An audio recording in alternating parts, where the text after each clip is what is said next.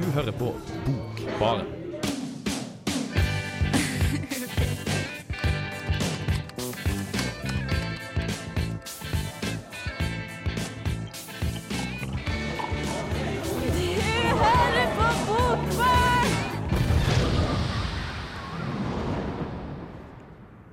Hei og hjertelig velkommen skal du være, kjære lytter, denne tirsdagskvelden i februar. Nå har det begynt å snø igjen, jeg trodde nesten eh, det hadde blitt vår. Men uh, uansett, vi er her. Uh, I Bokbarn vil jeg ikke stoppe av været.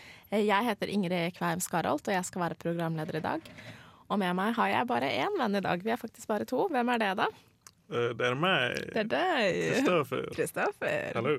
Så da blir det mer snakk av oss, da. Men vi, derfor har Kristoffer faktisk med seg to ting i dag, har du ikke det? Uh, jo, jeg har en, en bok. En uh, sjelden Det er med science fiction. Så jeg, liksom, jeg prøvde å liksom, finne en god en, og det har jeg gjort. Det heter 'Flowers for Algernon' av en som heter Daniel Keys. Men du har, ikke, du har et sterkt forhold til science fiction sånn generelt? Nei, jeg er veldig glad i Star Wars da jeg var ung. Og så likte jeg jo hvis det var på TV, men ikke sånn i bokformat. Nei. I bokformat. Nei. Nei. Det blir spennende å høre mer om den boka etterpå. Apropos Kristoffer snakker om da han var ung. Jeg skal ha med en bok som handler om livet på ungdomsskolen. Det er fra Oslo. Den er skrevet på kebabnorsk og heter 'Alle utlendinger har lukka gardiner'. Og så får vi vurdere om det er en påstand som er sant eller ikke. Men det er i hvert fall en debutant som er to år yngre enn meg, så jeg føler meg jo kul. Som har fått veldig mye oppmerksomhet, da. så det blir spennende å høre om den etterpå. Men det første vi skal gjøre i dag, er faktisk å høre på et intervju, del to av et intervju, for vi hørte på del én av dette intervjuet ditt, Kristoffer, for tre uker siden. Faktisk. Jeg tror det var tre uker siden. Tre uker med, siden. En, med en som heter Mathias Eire Samuelsen, som har jobba i Bokbaren før. Altså nå er han poet og bor i Adrianstua. Ja, altså forfatterboligen i Trondheim. Som dikter på trøndersk? Som dikter på trøndersk. Det siste har han gjort det. Husker du hva denne delen her handler om i forhold til den første? Uh, jeg tror det handler mindre om uh, poetlivet. Han har jo et magasin som heter Beijing, eller et forlag. Der de utgir et magasin uh, to, tre, fire ganger i året. Uh, Snakka litt om det. Og så har han også oversatt en gammel en kompis av beatpoeten Alan Ginsberg, som heter Gary Snyder. Jeg har oversatt dem til norsk, og den oversettelsen er på trøndersk. Fra liksom amerikansk. Ok, Så det blir veldig spennende, amerikan overgangen amerikansk til trøndersk. Jeg håper at dere sjekker ut også del én av dette intervjuet i en av våre gamle sendinger, og kanskje sjekker ut Mathias Samuelsen, forlaget Beijing, og han Hva het han sist igjen? Gary Snyder. Ja, men da kommer i hvert fall Men ja, nå så jeg faktisk at vi skal høre på en låt først av Lars Vaular. 'Tyrannus 6', og så kommer intervjuet.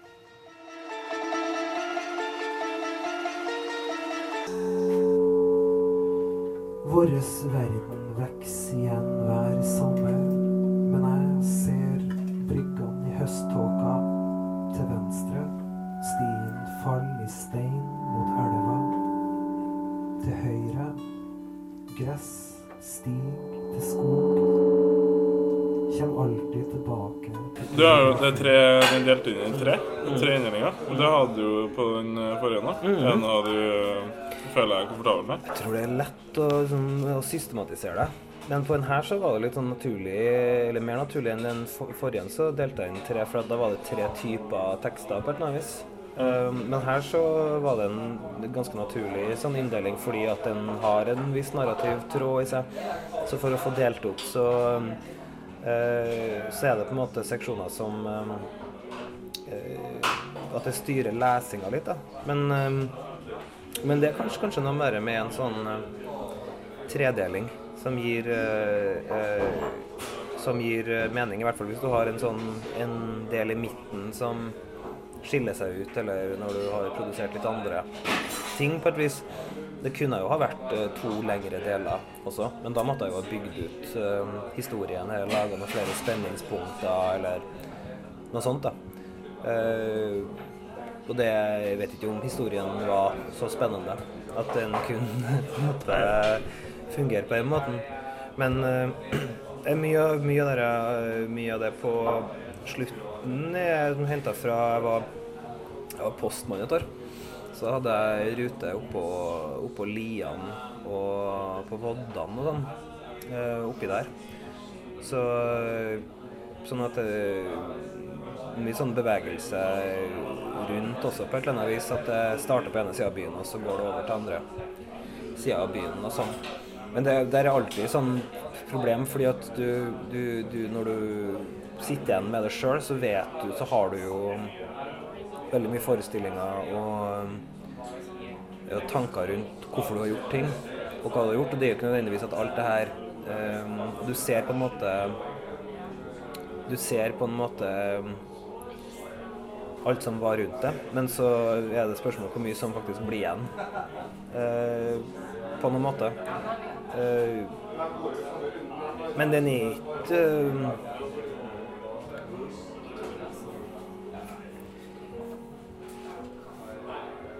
det, altså det jeg har sånn fått, av, fått av tilbakemeldinger på den, fokuserer jo en del på sånn, eh, på sånn det geografiske og det lokale og det verdensomspennende. Uh, og alt sånt. Men du kan jo ikke sant, du kan jo skrive en uh, Det kom jo for i 2010 eller noe sånt, 2011 kanskje, så kom det ut fem diktsamlinger om uh, to søsken.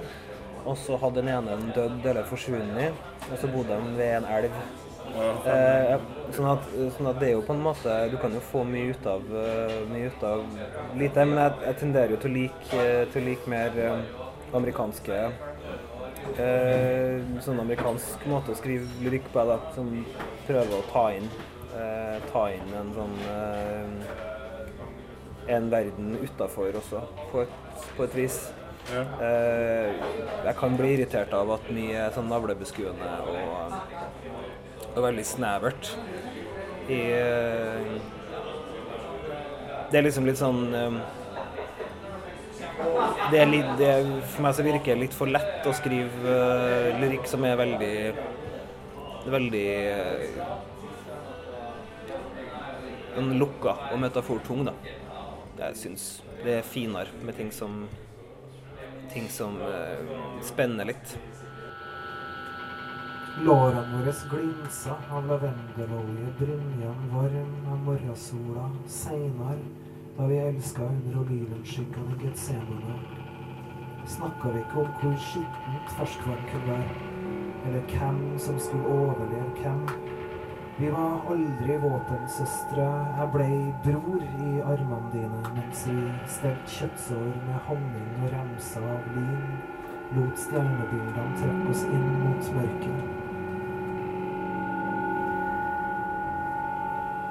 Men det er sånn dere arbeider med det i Trondheim, at dere headhunter liksom eh, Ja. bidrag? Mye av det egentlig, men um, Men vi har en sånn så, To forrige ganger så har det vært ting som jeg og Rune har vært interessert i løpet av året. Og så har det da Da har det tilfeldigvis liksom krystallisert seg til en sånn form for tematikk på noen måte. Men nå så har vi nå liksom bestemt oss relativt tidlig for hva det skal være om. Men det handler også om det at jeg var i Berlin i høst, og så kom jeg i kontakt med folk som hadde et eh, Som hadde liksom det sånn eh, lyrikkforlag i Berlin, og så og så skal vi en tur til New York i sommer eh, for å gjøre intervjuer eh, med en del amerikanske poeter. Og da bestemte vi oss for å dra på besøk til noen av de forlagene som vi, som vi liker. Liksom. Så jeg på en det på seg som en sånn uh, som en sånn greie. Så får vi se hvor vi, hvor vi ender opp med Men det kommer i hvert fall uh, nyoversatt uh, tysk lyrikk. Kommer til å bli Kommer til å bli, bli en stor del av det. Det er ganske spennende, det. For det, det er sånn som man ikke har så mye tilgang på i, eh, på en måte, så lenge det ikke man snakker tysk, da. Eller det blir, det blir oversatt. Og så blir det jo jeg òg. da um, kommer i hvert fall um, Peter Waterhouse, en østerriksk um, lyriker og romanfatter som um, Arild Wange har jobba med i mange år. Så vi, vi er liksom inne i sånn finansieringsrunder nå, da. Men da ser det ut som vi skal gi ut eh, to eh, sånne småbøker med ting ifra, ting ifra han. Eh, og så har vi også en eh, utgivelse med en amerikansk uh, gjendiktning av en amerikansk eh, poet som heter Brolaski. Så det blir, det blir spennende. Sånn rundt i mai. Så håper vi jo litt at vi får invitert han til òg, da. Så får vi eh,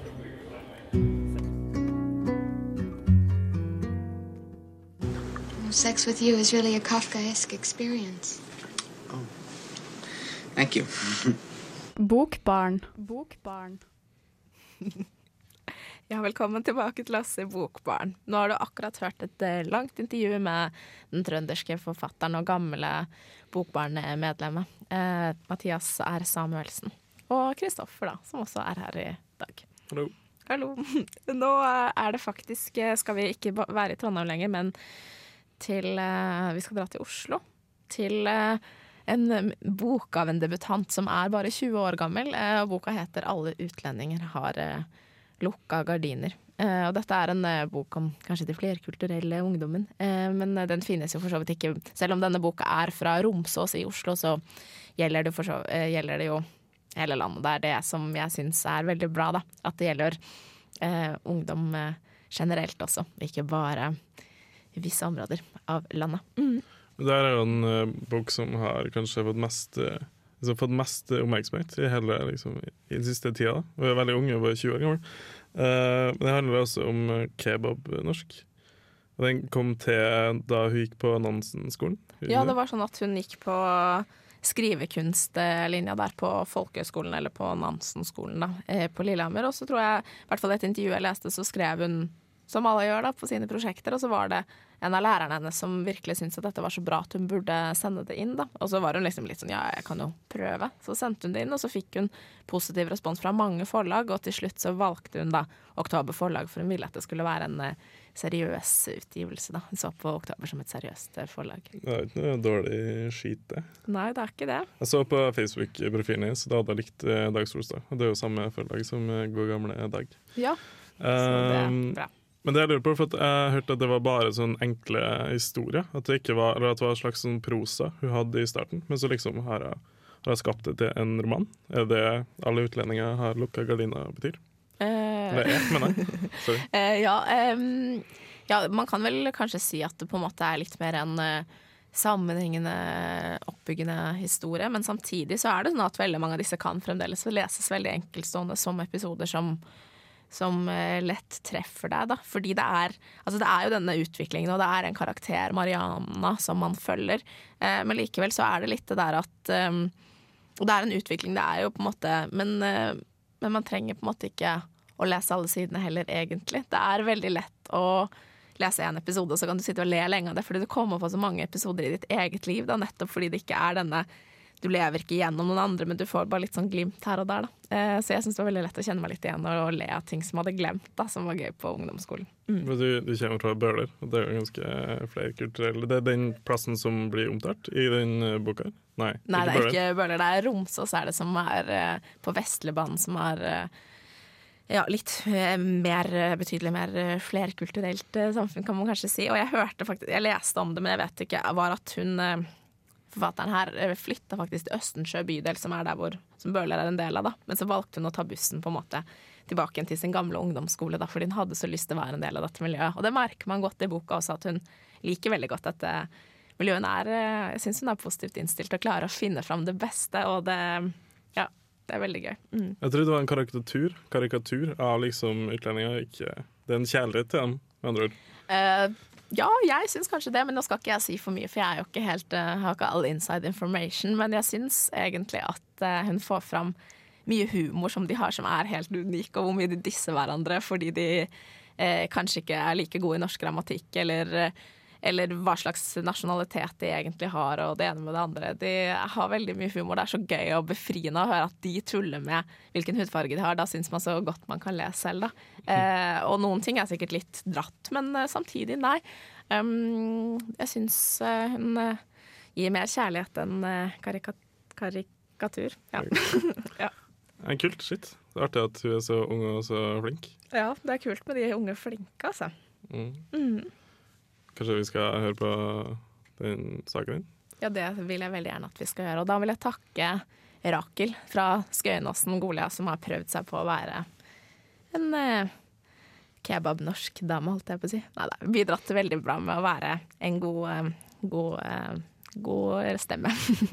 OK. Det også var lættis episode på skolen i dag, fordi vi har de norske partiene, og ingen visste det finnes så jævla mange mongopartier. Vi hadde oppgave å gå til byen og intervjue alle bodene. Så Ibra gikk bort til et hvitingparti på Karl Johan og spørret noen spørsmål, og de bare 'Alle utlendinger må ut! Alle utlendinger er terrorister i Afghanistan!' Og først Ibra prøvde å si tilbake, men til slutt han bada helt og nesten spytta på skoa til stygge poteten. Men han gjorde ikke det likevel, fordi Solveig kom og stoppa han, og Solveig også klikka på poteten og kalte ham rasist. Men hun også beherska seg litt. Og så gruppa mi er Høyre, og allerede vi har klippa logoen til å lime rundt hele plakaten, og er nesten ferdig. På vei hjem, Ibra, jævla utlendingen, Allah han eier ikke skam, peka på festninga og trodde kongen bodde der. Alle utlendinger har lukka gardiner. Debutanten Maria Navarro Skaranger tar oss med noen år tilbake, til ungdomsskolen. Er det sånn at den tiden som alle liksom hater, der ingen var seg selv og de som ikke fulgte strømmen ble utstøtt, kanskje er litt verdt å savne likevel? Romanen, fortalt i dagbokformat, følger Mariana med norsk mor og chilensk far gjennom hverdager med små og store opp- og nedturer. Med et tilbakeskuende blikk og en eh, behagelig distanse virker det kanskje litt eh, overfladisk. Det er både søtt og teit når hun skildrer uskyldige møter med den store kjærligheten. For hva vet hun egentlig om det? Men så han plukka meg på ryggen min og kalte meg Mari, som er kallenavnet Isa bruker på meg, og jeg tenkte sikkert han skal spørre om jeg har to kroner eller noe. Alle alltid gjør det fordi vi er fra åttende og tør ikke si nei. Og egentlig, han kjenner meg ikke, han bare kan si navnet mitt, så kan han smiske på småpenger av meg. Først han bare 'Marøy, si du har to kroner, og jeg bare fuck off. Og jeg ble jævlig nervøs, for han så på meg med de svarteste tyrkerøynene sine, og enten han skulle gi frekk kommentar tilbake eller gå. Men så, fra ingenting, han bare Hva er det med sønnen din? Og jeg ble dritrød, og det kilte heftig i magen. Chica, understrek, Chile, understrek, Norge, krøllalfa, hotmail.com, jeg sa. Men så skal man huske på hvordan det faktisk var. Hvor lite eller mye som sto på spill i kampen mot usikkerheten. Og alt du ikke visste da, som du vet nå. Her er Skaranger god. For alvoret, det ligger like under hele tiden. Mariana er modig og søker litt større sammenhenger. Men mye blir med spørsmålstegnet når en står midt imellom. For ung til å være voksen, og for gammel til å være barn. Boka er skrevet på det folk kaller kebabnorsk. Hvorvidt språket er godt, blir jo derfor veldig relativt. Metaforene er enkle, men også kraftfulle, fordi de ikke prøver å romme intellektuelle referanser fra kulturhistorien. Slangen derimot skaper jo noen skiller mellom oss, for ikke alle henger med på alle uttrykkene. Spørsmålet er da om folk blir nysgjerrige. Skal et godt språkøre også måles i kjennskap til kebabnorsk? Hvor vi er fra er ikke så viktig, Solveig sa, og ga ut påmeldingsark pluss plan for polentur med hvite bussene for neste år. Ibra slapp atombombe og bare 'Hvorfor dere ikke kaller det svarte busser når vi bare har svartinger?' Og hele klassen ledde, til og med Solveig ledde, men alle allerede vet at Ibra uansett ikke får være med på turen, for foreldre er så strenge. Det er så befriende med folk som ikke tar seg selv mer høytidelig enn å si ting akkurat som de er. Og det er sjelden jeg har fått så lættis. Det slår meg hvor mye jeg har glemt fra den tiden. Hvor mye gøy som skjedde, og hvor fri du trodde du var. Alle utlendinger har lukka gardiner, klare på befriende vis å skildre en fargerik ungdomstid. En tid mange rømmer fra litt for fort. Kanskje bør vi huske de gode sidene bedre. Spontaniteten og drømmene. Håpet for framtida, og hvor lite kunnskap du trengte for å kunne uttale deg i en sak. Mangelen på filter, rett og slett. I dag, de som skulle battle, var først Resul fra Ninje mot Dardan, som selvfølgelig skulle være kul åttendeklassing og melde seg på. Først Resul bare 'Mora di er så feit at Burger King tok henne inn fordi hun spiser kuer og driter burgere', og alle bare 'ååå', og Dardan bare 'Mora di er så feit at må hun stryke klærne sine på motorveien for at de skal få plass', og alle bare 'ååå', og Resul bare 'Når moren din stiller seg i vekten', det bare står 'to be continued', og alle bare 'ååå' og klappa hender, selv om egentlig alle visste de hadde henta fra Yo Mama på TV. Er denne boka mest treffende for oss med oppvekst på østkanten i Oslo? Til dette kan man svare både ja og nei. For på den ene siden er det tidskoloritt av et flerkulturelt Norge. Likevel. Navarro Skarangers sterkeste uttrykk er kanskje bildet av samtidens ungdom. Og vi deler tross alt ganske mye, selv om vi lukker gardinene en gang iblant.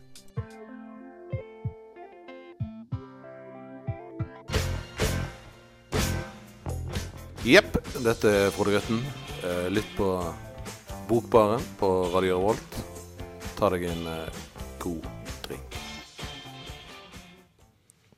Ja, velkommen tilbake til Bokbarn. Håper du tar deg en eh, god drink og danser litt rundt til eh, låta vi hørte på rett før, eh, 'Where Is The Love'. Men vi har også snakka om en roman som heter 'Alle utlendinger har lukka gardiner'.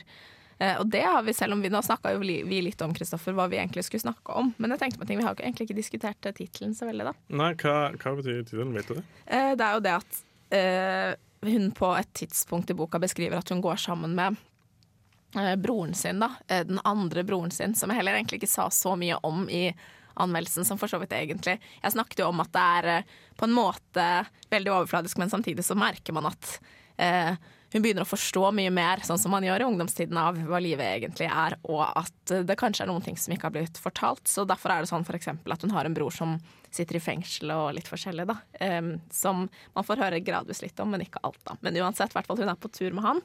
Og så peker hun på et vindu eh, hvor det er lukka gardiner, eller det er Hvordan er det nå igjen? Men så, så spør hun i hvert fall hvorfor er det lukka gardiner eh, til broren sin, da. Eh, og så beskriver hun liksom de lukka gardinene at det først er sånne blonde gardiner, og så er det noen brune, litt sånn oransje gardiner bak. Og jeg må si at det på en måte er Når hun sa akkurat det, så tenkte jeg veldig på eh, noen sånne vinduer som jeg vet at det bor familier som har forskjellige bakgrunner i der hvor jeg er fra, og at det er akkurat den stilen som du bare selv ikke forestiller deg at det er så kul stil av, med de blonde gardinene og det brune bak, som ikke vi eh, ville valgt, kanskje. Som, ja, det var litt treffende, men da sier han i hvert fall fordi han ikke fordi selvfølgelig vil ikke innvandrerne at uh, du skal se inn og se hva de gjør. Eh, og så, det er jo kanskje, kanskje de, har de noe å skjule, men det må jeg virkelig si at eh, faren min han er ekstremt opptatt av at vi skal lukke gardinene når det er mørkt ute. Så selv om ikke vi har blonde gardiner med brune bak, så lukker vi også gardinene veldig ofte, da. For at folk ikke skal skje inn? Ja, og jeg vet ikke, altså det skjer jo ikke noe farlig bak våre vegger. Det er ikke noe, noe ekkelt skjer, men jeg tror kanskje det er bare et eller annet at han vil være helt sånn trygg. Jeg vet ikke, sånn, jeg vet ikke helt hva det heller er for, eh, for dem, men det virker i hvert fall ikke sånn med denne boka her, så føler jeg ikke at hun kommer med så mange sånne eh, grunner for hvorfor innvandrere bør eh, lukke gardinene sine, da. Eh, selv om hun, som i alle andre familier, så ligger det noen dypere ting til grunne som gjør at kanskje noen har noe å skjule, men det vil jo alltid være det i familier, da. Mm. Litt uh, kul uh, tittel. Uh, jeg visste ikke hva den egentlig sto for. Jeg trodde det bare var sånn flytende poetisk uh, artig tittel. Men det, hvis, den, hvis det var en detalj og den ga liksom mening, så Mm. er det jo supert. Mm. Det er en, en, en ungdomsbok, eller er det en bok om ungdommer? Eh, Jeg vil heller si at det er en bok om ungdommer. Jeg tenkte egentlig jeg skulle si noe om det i anmeldelsen, men det rakk jeg ikke å gjøre, for det ble litt mye. Men eh, jeg syns det var så mange bra utdrag jeg måtte ta med. Det må jeg virkelig si at det er mye gøy. Eh, men eh, jo, eh, fordi jeg tenker at noen av de tingene er noe som treffer oss veldig, fordi for eksempel er det ganske mye om MSN, eh, og jeg tror ikke ungdom i dag for eksempel bruker det på samme måte. Nei. Eh, så jeg kan jo kanskje føle at de kan føle at det er litt sånn utdatert, på en måte.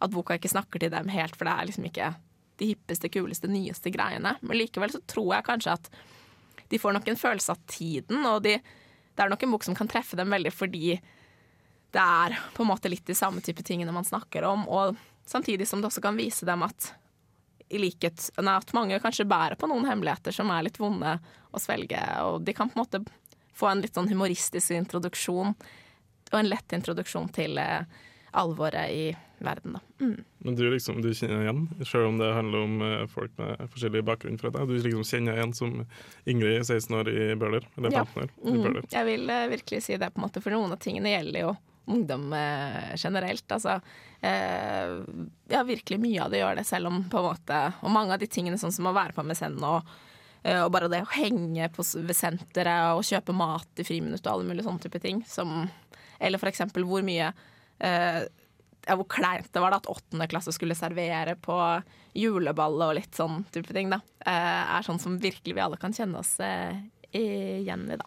Eh, Og det hierarkiet mellom 8. og 9. og 10. klasse og sånne type ting. Så nei, jeg syns den treffer meg veldig. Mm. Mm. Men som, som jeg sa i sted, så har den fått veldig mye sånn hype. Føler du at den fortjener all den hypen? Uh, ja, altså jeg har ikke 100% kontroll på det markedet, men jeg vil virkelig si at jeg ikke har lest så mange bøker som er på den eh, måten. Jeg følte at jeg trengte det, en sånn bok som eh, ikke bare alle de der unge jentene som vi har kritisert og hylla eh, fra Flamme, som prøver å finne seg selv. Kanskje er det lettere for meg å på en måte Fordi jeg måler meg mer opp mot dem, fordi jeg føler at de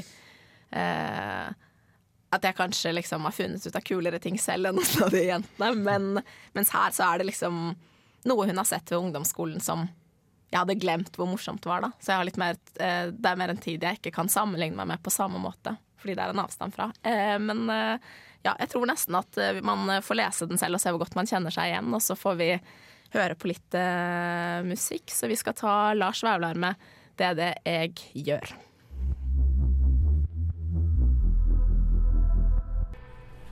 Ja, jeg heter Dag Solstad, og dere hører nå på Bokbaren, og der er altså jeg. Ja, der er altså du. Og neste sending, faktisk, eh, Dag Solstad, så skal vi snakke om bøker av deg. Vi har i hvert fall eh, planlagt det, har vi ikke det, Kristoffer? Jo. Så Um, den holder vi ved like? Den planen? ja, får gjøre det. Ja.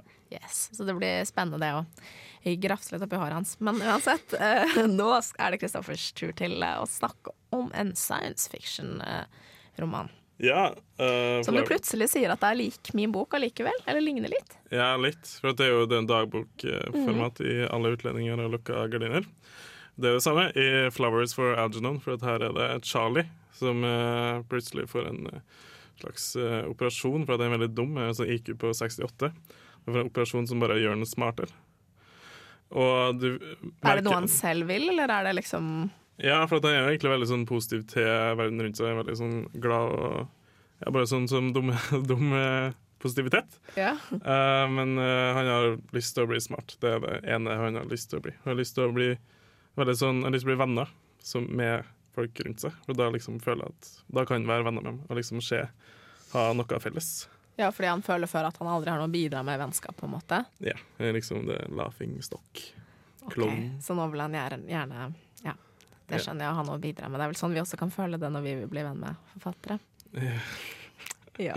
Men eh, eh, hva Hvordan oppdaga du denne boka her, egentlig? Eller hva fikk deg til å lese denne?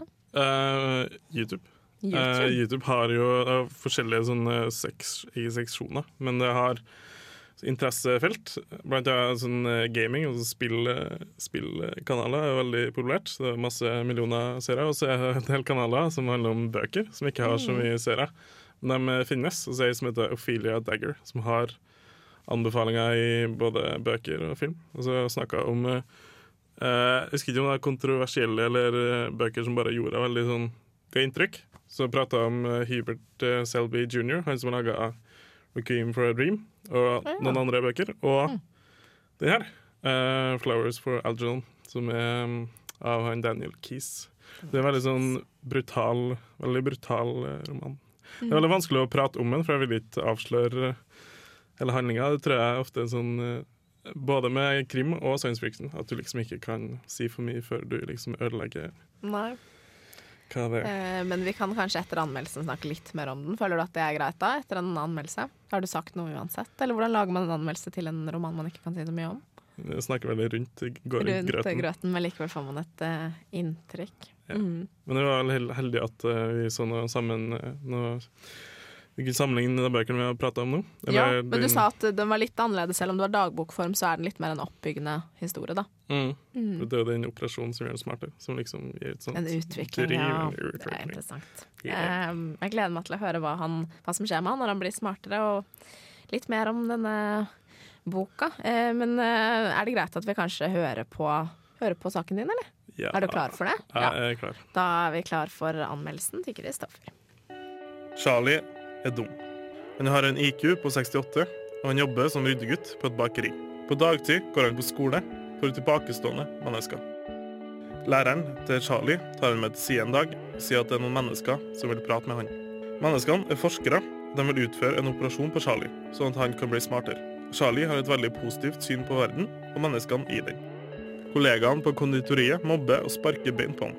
Men Charlie skjønner ikke at de er slemme. Men det endrer seg etter han får operasjonen. March 12th. I don't have to write progress report until every day just when I start a new batch after Prof. Nevmer takes the old ones away. I just have to put dates on top. That saves time. It's a good idea. I can sit up in bed and look out the window at the grass and trees outside. The skinny nurse's name is Hilda, and she is very good to me. She brings me things to eat, and she fixes my bed, and she says I was a very brave man to let him do things to my head. She says she would never let him do things to her brains for all the tea in China. I told her it wasn't for tea in China, it was to make me smart. And she said maybe they got no right to make me smart because if God wanted to be smart, he would have made me born that way. And what about Adam and Eve and the sin with the tree of knowledge and eating the apple and fall? And maybe Prof. Nemmer and Dr. Strauss was tampering with things they got no right to tamper with. She's very skinny, and when she talks, her face gets all red. She says maybe I better pray to God to ask him to forgive what they done to me. I didn't eat no apples or do nothing sinful. Now I'm scared. Maybe I shouldn't have let them operate on my brains like she said if it's against God. I don't want to make God angry. Daniel Keys skrev 'Flowers for Algernon' opprinnelig som en novelle i 1958, og publiserte den i The Magazine of Fantasy and Science, men den ble straks populær og ble senere omskrevet til en roman, som senere vant Nebula Award. Og det fortjener 'Flowers for Algernon'. Daniel Keys leker seg med språket, utviklinga til Charlie og perspektivet i historien. Det er en kreativ form for fortelling i 'Flowers for Algernon', fordi det er en førstepersons perspektiv som forandrer seg. Det forandrer seg med Charlie, som forstår seg mer og mer på menneskene og verden rundt seg. April 6th. Today I learned the comma. This is a comma. A period with a tail. Miss Kinnian says it's important because it makes writing better. She said, somebody could lose a lot of money if a comma isn't in the right place. I got some money that I saved from my job and what the foundation pays me, but not much and I don't see how a comma keeps you from losing it. But she says everybody uses commas, so I'll use them too. Flowers for Algernon har ofte blitt sensurert, og fundamentalister har prøvd å få den sensurert i Canada og USA. Noen ganger har de klart å få den fjerna fra bibliotek, men i dag blir den omtalt i skoler og universiteter. Den har flere ganger blitt tilpassa TV, teater, radio, og den har blitt omgjort til en prisbelønt film med navnet Charlie. Hvis du ikke klarer å plassere Flowers for Algernon, så er det mulig å sammenligne den med en brutal Forest Gump. Og Flowers for Algernon er en sterk anbefaling til alle som liker science fiction, og en like sterk anbefaling til folk som ikke har hatt like mye erfaring med sjangeren.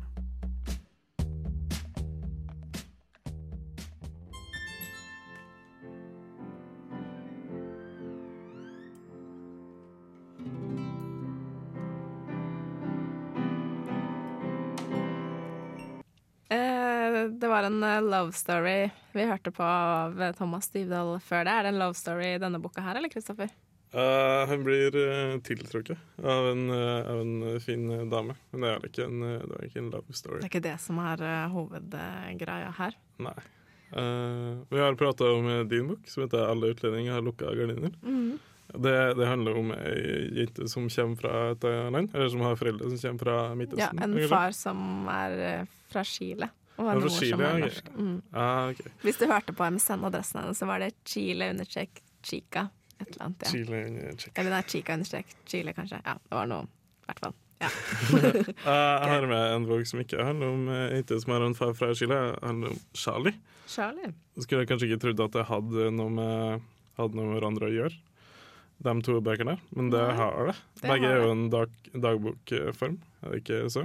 Jo. Eh, Grunnen til at han begynner å skrive dagbok, er for at han har en av de eh, forskerne som forsker på han, sier at han skal skrive ned alle tankene sine.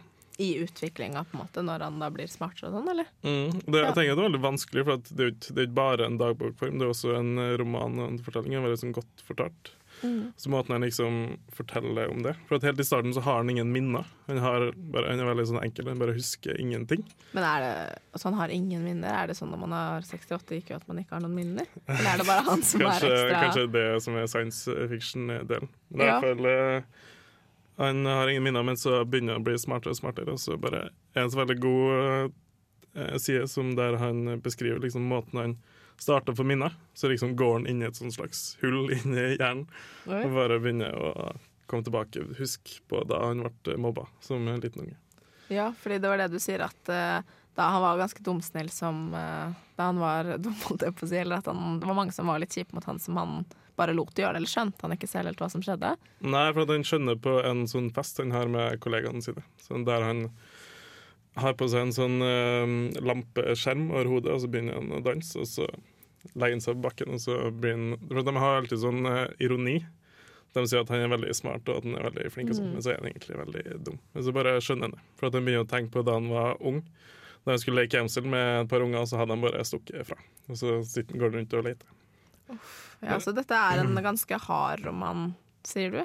Mm, men det er også det, han er en veldig sånn fin person, så det er jo egentlig godt å lese det. Hele Ja. den karakteren. Det var Mm. skikkelig imponert Ja, for du hadde litt fordommer mot eh, science fiction-sjangeren på forhånd. Det må jeg si jeg også har litt, så jeg blir glad for å høre dette. Jeg tror eh, dette er en bok jeg bør eh, lese, altså. For det er, en, det er en del av en, eh, et forlag som har gitt ut en sånn science fiction master Master Hva heter det? Sånn Masterworks? Eller bare det beste science beste science fiction? fiction. Og da er denne en av dem?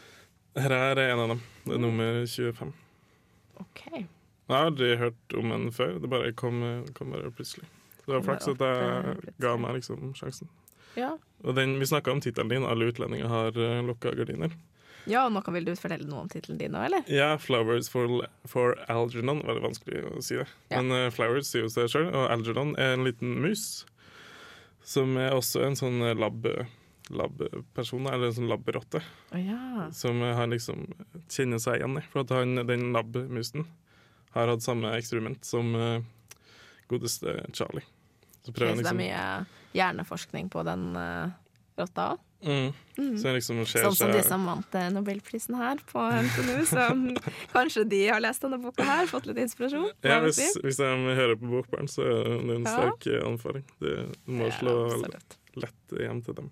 Mm, det er godt å høre. Uh, vi får håpe at uh, Ja, nå skal vi høre på eh, Jokke og valentinerne med selvdestruktiv, så vi håper at det Hva skal vi håpe med at, eh, at man tenker med den låta da, Kristoffer?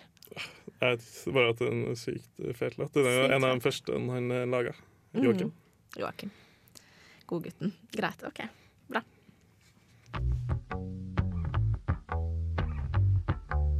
Hei, det er Pedro Carmona Alvarez. Du hører på Bokbaren på Radio Revolt. Ja, det gjør du. Og nå er vi egentlig ved veis ende, så vi skal bare ta en eh, liten oppsummering av hva vi har hatt om i dag, egentlig. Mm. Så hva var det første vi hørte på, var et eh, intervju med godeste Mathias R. Samuelsen. Jeg syns du er så god på å si den R-en. Vet du hva den står for? Jeg vet hva den står for. Oi, hva da? Reinholt. Er det? Ja. Oi. Det hadde jo vært litt sånn fint forfatternavn, syns du ikke det? Reinholt, bare plain, eller Nei, Mathias Reinholt. Mathias Reinholt Samuelsen. Jeg tenkte egentlig det. Er. Eller ikke bokstaver som ikke som er sånn, Det er sånn mystisk. Ja, jeg vet Sånn Kristoffer L. Ervik. Jeg også liker å kalle meg X, for da vet hvem vet hva det står for. Men uh, Jeg prata med han. Vi hadde et intervju. Det var Ja. del to. Det første hadde vi for tre uker siden. Men nå er det ferdig. er det ferdig? For han har kommet ut med en ny bok. Eh, ja, det, det er en halvt år eller mer. Forestillingsverket. Mm. Så den uh, får man høre litt om, og i tillegg om hans bidrag i eller litteraturmiljøet i Trondheim. Uh, og så har vi også lest med en annen sitt bidrag til litterære verden, og det er debutanten, 20 år gamle Maria Navarro Skaranger, som har skrevet 'Alle utlendinger har lukka gardiner'. Eh, Og det var en bok på kebabnorsk som jeg følte at jeg trengte å lese litt av om ungdomsskolen, og bli minna på egentlig hvor gøy det faktisk var, ikke bare hvor slitsomt det var. Mm. Eh, Og deg, Kristoffer, du har også lest en eh, bok selv, og ikke bare tatt på et intervju. Nei, jeg hadde med en science fiction-roman en som heter 'Flowers for Algernon' av Daniel Keys. Daniel Keys. Yes. Yes. Men du hadde med Maria Squaro Navarro, eller hva heter det? Navarro Skaranger. Hun liker jo ene romanen til Dag Solstad. Ja, for han skal vi ha en eh, temasending om neste gang. Og jeg har ikke funnet ut helt hva jeg skal lese ennå, men Kristoffer han skal lese Irr grønt. Jeg tror det er tredje utgivelsen til Dag. Dagis. Dagis Dagis. Så det blir spennende å se hva vi får snakke om neste gang og finner ut om Dag Solstad. Men eh, i dag så har vi i hvert fall vært Kristoffer L. Ervik, Ingrid K. Skarholt og vår kjære tekniker Yngvild Aas. Har du noe spennende bokstav, Yngvild? Nei. Nei. Men eh, like kul likevel. Vi ses eh, neste uke forhåpentligvis, og det snør ute nå, så her kommer vinteren til dere også.